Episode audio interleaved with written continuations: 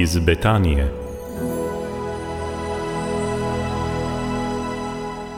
Spremljate rubriko iz Betanije. Tema ni lahka, spolne zlorabe v cerkvi.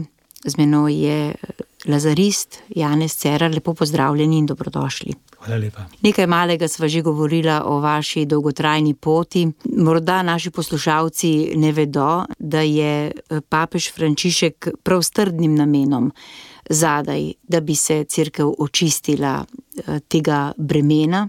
Prosim, če poveste našim poslušalcem, da vas je poklical po telefonu in kako je to bilo. Zelo preprost. V neki marčevski sredi leta 2020 sem žagal drva, jih pripravljal za zimo. V odmoru bil je sončen dan, šel pit sok, pozvonil je telefon, videl sem, da je skriti klic, oglasil sem se na drugi strani. Se je s njemu lastnim tihim in zadržanim glasom oglasil neki moški glas, ki se je potem predstavil tukaj papež Frančišek. Dogovorila sva se, da se čez nekaj dni srečava v hiši svete Marte v Vatikanu. Šel sem tja in prišlo je do enega zelo zame dobrega pogovora, dobrega v pomenu, da sem zares prvikrat srečal cerkvenega predstojnika, ki ni zgolj poslušal, ampak je tudi slišal, ki je kot dober pedagog pozorno spremljal ta pogovor, tudi začutil, kdaj je primeren trenutek, da se pogovor prekine, za trenutek olepša tudi s kakšno anekdoto, in potem sva seveda se dogovorila, da gremo naprej. Ali vas je zelo presenetilo, ko se vam je predstavil papež Frančišek, da vas kliče po telefonu, ker je to, se mi zdi, zelo nenavadna stvar, čeprav za papeža Frančiška smo malce tudi vajeni, ne, že da je že koga poklical tako po telefonu. Ja, kljub temu, da sem vedel, da papež pokliče, da se konkretno tudi srečuje z žrtvami zlorab, tega klica in kasnejšega srečanja seveda nisem pričakoval. Mi je pa veliko spodbudo, konkretno v tem srečanju ne gledam zgolj sebe, ampak v tem srečanju vidim tudi vse čudovite ljudi, ki so moja opora, navdih, pogum, pa na poseben način vse tiste, ki so šli skozi podobno življenjsko preizkušnjo. Na kakšen način vam pa to daje oporo in moč za naprej, ne samo zato, ker ste vi glas nekako tudi tistih, ki še ne upajo na glas povedati.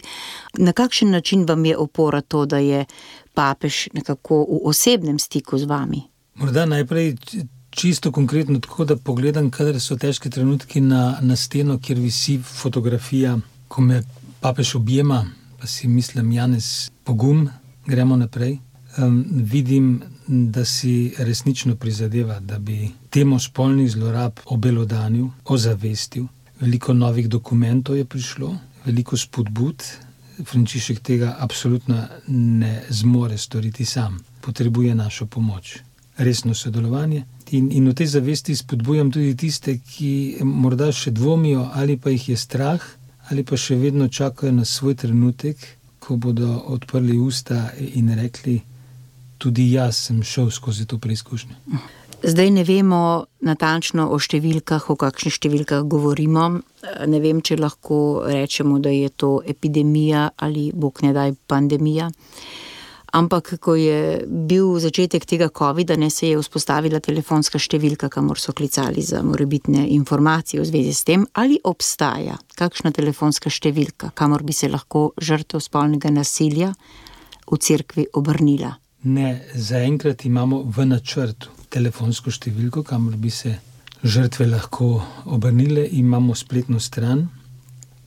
povem pa z velikim spoštovanjem do teh organizacij in ustanov, dejavno sodelujemo z mnogimi, ki si v Sloveniji na splošnem področju prizadevajo, da bi stali ob strani žrtvam spolnega nasilja.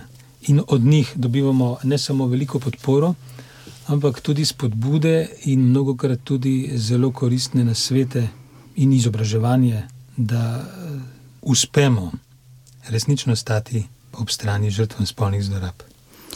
Janez Cerar, najlepša hvala za vaš pogum, da ste se tako izpostavili, da stojite v bran tudi tistim, ki ta pogum še zbirajo v želji, da bi bila crkva taka, kot naj bi bila po Kristusovi zamisli.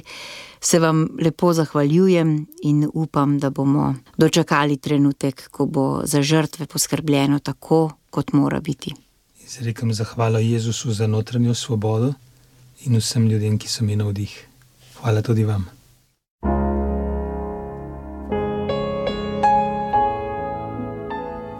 Iz Betanije.